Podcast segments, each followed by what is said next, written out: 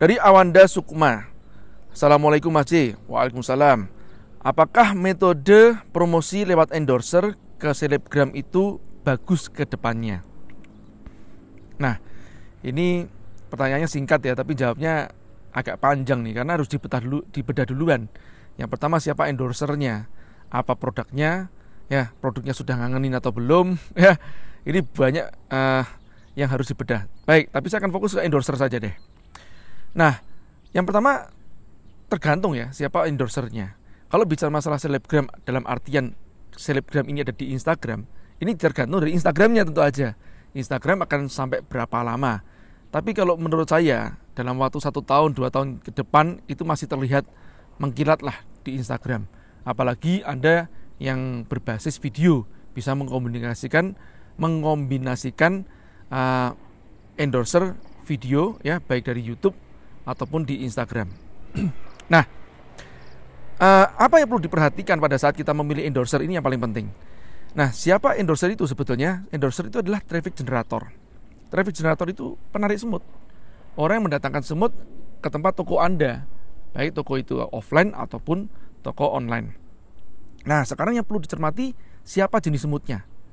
Oke, ini sudah saya videokan juga di hukum semut ya, kawan-kawan dan reprofiling.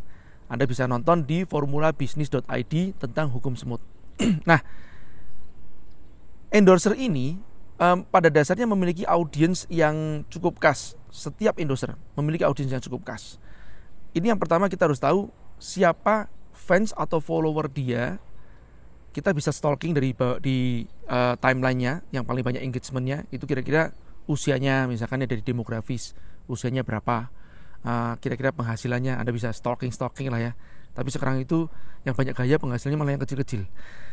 Nah terus kemudian anda bisa juga cek interest. Ini yang paling penting juga sebenarnya interestnya itu adalah uh, produk-produk mungkin yang dia gunakan uh, akun-akun yang dia share atau dia mungkin like. Ya ini bisa di stalking ya bisa di semacam di sampling gitu ya di reprofile secara sampling. Pasti tidak satu jutaan dari profil tidak juga. ah, sepuluh ribu juga tidak ya, mungkin 100 sudah cukup bagus. Anda cek yang paling banyak engage dengan mereka yang bukan robot pastinya. Nah uh, dari situ ketahuan ya nanti kira-kira uh, follower atau fansnya itu apakah sesuai dengan target pasar anda atau tidak. Jadi bukan sekedar anda memilih endorser. Eh ini si artis ini lagi ngehits. Anda boom endorse. Target pasarnya belum tentu tepat dengan target pasar uh, Anda atau pembeli produk Anda. Jadi harus tepat duluan. Yang kedua, buat saya tadi berbicara masalah uh, endorser ini ada yang namanya engagement atau ikatan emosional ya dengan si uh, interaksi dengan si follower atau fansnya itu itu bagaimana. Nah, militan atau enggak merekanya. Terus biasanya ini yang paling perlu dicermati juga endorser yang tidak memilih-milih produk atau biasanya apa saja produknya asalkan bayar diterima dan di endorse biasanya kekuatan endorser ini akan melemah. Ya kalau untuk awal-awal masih oke okay, tapi biasanya akan melemah.